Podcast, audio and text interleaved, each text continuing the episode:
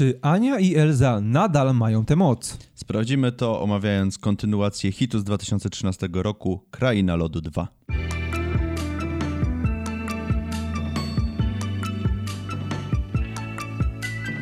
Cześć, witamy Was bardzo serdecznie. Tutaj dwóch gości z BeMyHero.pl, tutaj Kamil. I Rafał. Dzisiaj porozmawiamy sobie w materiale wideo o animacji, na którą czekaliśmy cały, lo- cały rok. Cały, powiedzieć cały, lu- cały lud, e, na którą czekaliśmy. Kraina Lodu 2 pojawiła się w kinach w ostatni piątek, patrząc z naszej perspektywy, Mhm. czyli 22 listopada.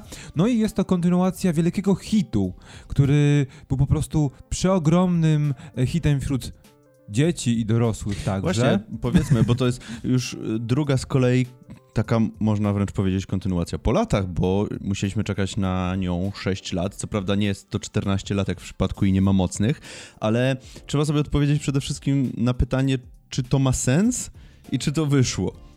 No właśnie, bo tak naprawdę pierwsza część nie zostawiła nam zbyt wielu otwartych wątków, które można byłoby eksplorować dalej, bez oczywiście troszeczkę usilnego wprowadzania pewnych nowych postaci, pewnych nowych elementów świata. Ale to bardzo dobrze, bo właśnie ten, y, ta budow- to budowanie świata y, mi się podoba, bo tak naprawdę y, Elza, Anna, o nich już zostało powiedziane w pierwszej części praktycznie wszystko, one już jakby tą swoją drogę przeżyły. y, I też trochę, moim zdaniem, nie ma dla nich. Może to dziwnie zabrzmi, co powiem, ale trochę nie ma dla nich miejsca w tej części już, bo ważniejsze jest to budowanie świata, ta historia z przeszłości, którą, która jest tutaj bardzo, bardzo ważna i tak naprawdę wokół niej toczy się y, cała fabuła. Mm, ale tak naprawdę ta relacja siostrzana została już na tyle przerobiona w pierwszej części, że tutaj tak naprawdę niewiele więcej się dowiadujemy, niewiele więcej są nam w stanie twórcy zaoferować. No dobrze, bo tak, bo główna e, oś fabularna toczy się wokół Elzy, która słyszy jakiś wzywający ją głos i musi wyruszyć na przygodę. Okazuje się, że tym głosem jest jeden z magicznych elementów, bo film nam mówi, że są cztery i ten piąty nieodkryty magiczny element, które postanowiły e, ukarać ludzi za to, że popełniono pewien e, zły czyn.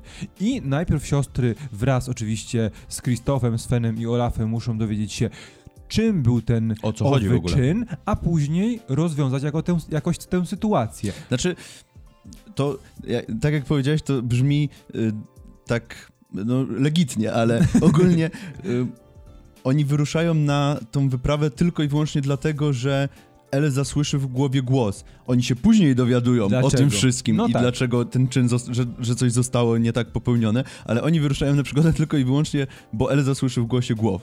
Tak, bo dopiero później dowiadujemy się, że. Bo powiedziałeś o rozszerzaniu się uniwersum, Mhm. ale o tym rozszerzeniu się uniwersum dowiadujemy się tak naprawdę w połowie drugiego aktu. Że No, no faktycznie są nowe wątki, są nowe postacie, coś w ogóle, to królestwo Arendelle ma jakąś historię. E, To nie jest nam powiedziane od początku filmu. Jasne, od początku jest scena z rodzicami, No, więc właśnie. można domyślić się, że coś tych rodziców będzie ta historia dotyczyła. Ale to tylko tyle. I dopiero później okazuje się, że jest jakiś lud, była, był jakiś spór, no i trzeba rozwiązać ten problem, który od lat narastał lub był jakby uśpiony i problem mógł w każdej chwili powrócić. No i siostry to robią. To jest ciekawe, bo ta fabuła jest poprowadzona, znaczy ona jest, fakt, y, film jest, y, ma fabułę, nie można powiedzieć, że to jest y, bajka, film o niczym, tylko że ciekawą rzecz zastosowali twórcy tutaj moim zdaniem, że nie za wiele nam zostało wyjaśnione w, samych zwiastunach, Tak. przez co fakt dość ciekawie się to śledziło na sali i, i dość, no podążałem za tą fabułą, tylko że tak naprawdę no. Ciężko, ciężko mi cokolwiek tutaj powiedzieć na plus tego filmu, bo ta fabuła jest na tyle nie, nieoryginalna, jak Tak, w przypadku tak, na przykład tak, pierwszej tak, części, tak. tylko po prostu, no ona jest. I tylko tyle można o niej powiedzieć. Mamy tak tajemnicę, naprawdę. którą trzeba rozwiązać. Jedna z bohaterek, z bohaterów słyszy głos wzywający Mhm. do, y, aby pomóc komuś, czemuś, no i wy, wy, po prostu ruszają w drogę, aby rozwiązać zagadkę. No i to jest wszystko, jeśli chodzi o taką fabułę, fabułę. Ale y, trzeba powiedzieć, czy coś ci się podobało tak naprawdę w tym filmie? Jakiś element, jakaś postać, rozwój jakiejś postaci? W, fabularnie, bo ja, by- ja chciałem powiedzieć, że najbardziej w tym filmie to mi się podobała animacja, Okej. która była naprawdę dopieszczona i y, te elementy związane głównie z tymi żywiołami, z tymi czterema elementami, o których jest mowa, y, na przykład animacja wody czy, czy wiatru, czy na przykład lodu już, kiedy jesteśmy tam w tym miejscu, do którego dociera Elza, żeby nie, żeby, żeby nie spoilować. To naprawdę robi wrażenie i faktycznie Pixar znalazł tą swoją formułę, to już w kilku poprzednich animacjach było widać, że naprawdę, naprawdę jeżeli mm, mamy tą animację Yy, tak dopieszczoną, to na, naprawdę ona robi wrażenie, szczególnie na dużym ekranie. Ja jeszcze chciałbym wrócić do elementów fabuły, no bo ten film udowadnia nam, że na takich animacjach, tak samo jak dzieci, mogą bawić się dorośli. Ja mam wrażenie, że w tej części o wiele miejsca poświęcono na to, aby razem z dziećmi przyciągnąć rodziców, bo wiadomo było, że dzieci będą chciały pójść na ten film, ale żeby zarobić dużo, to trzeba byłoby też dać trochę rodzicom. No i są te elementy poważniejsze. Jest ten problem, kto był tak naprawdę, dlaczego rodzice zginęli, dlaczego, kto był odpowiedzialny za to, co się wydarzyło, to jaka jest w ogóle historia Arendelle i że ona wcale nie jest taka cukierkowa, jak się wydawało.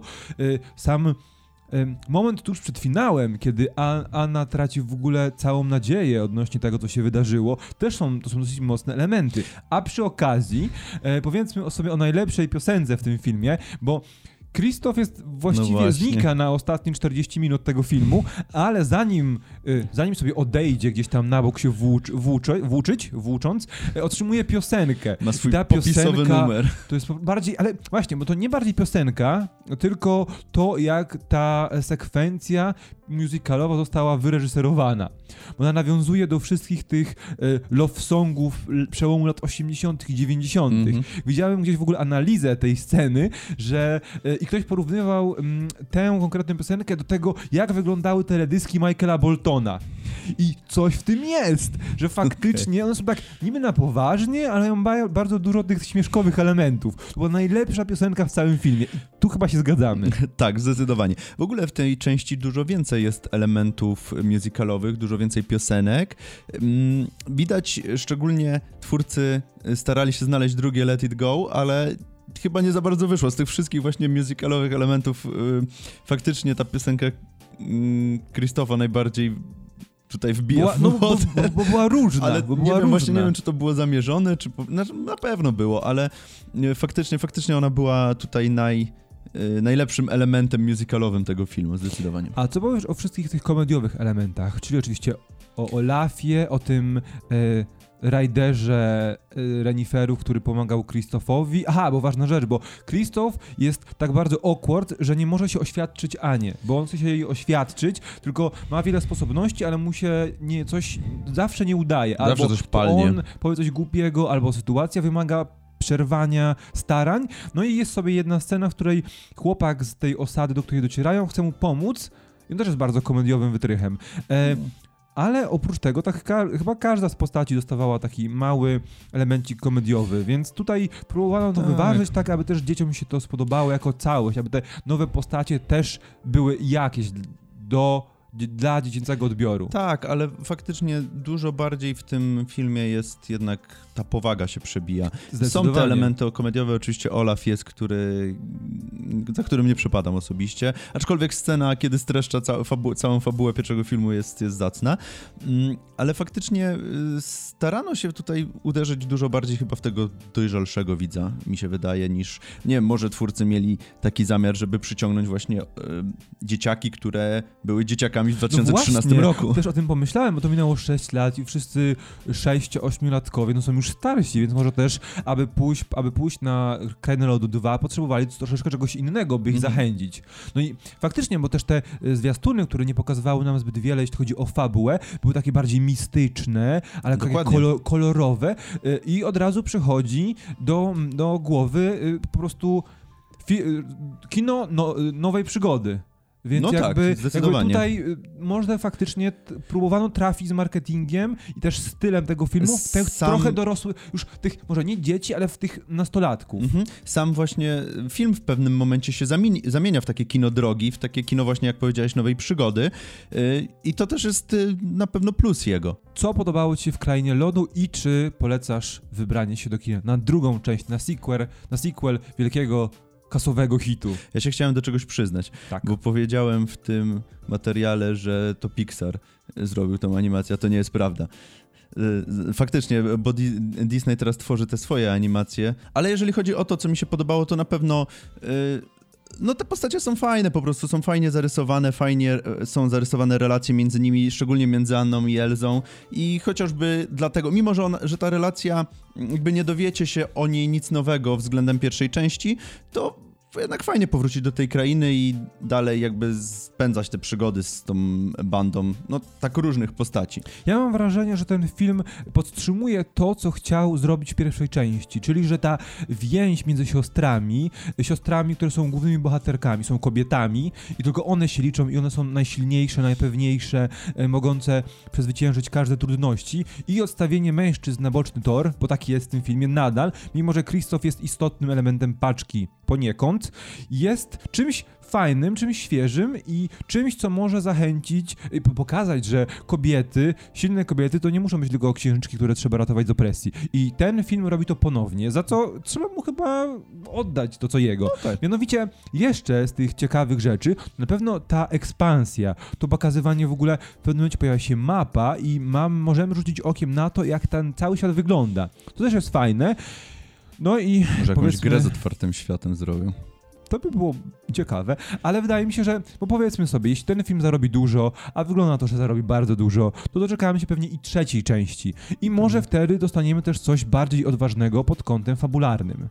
Yy, dla wszystkich tych, którzy którym podobała się pierwsza część, którzy może dorośli, wychowali się na tej części, bo pewnie są tacy ludzie Mhm. już, e, polecamy pójście do, do, film, do, do kina na ten film. Na pewno nie zaskoczy on was niczym nowym, ale będzie to ciekawy powrót do tego świata, który znacie, z odrobinką czegoś nowego. No to jest Disney, także na pewno się nie zawiedziecie.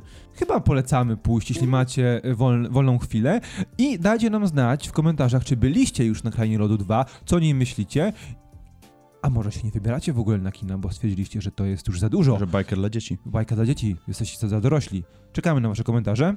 Do zobaczenia następnym razem. Cześć. Cześć.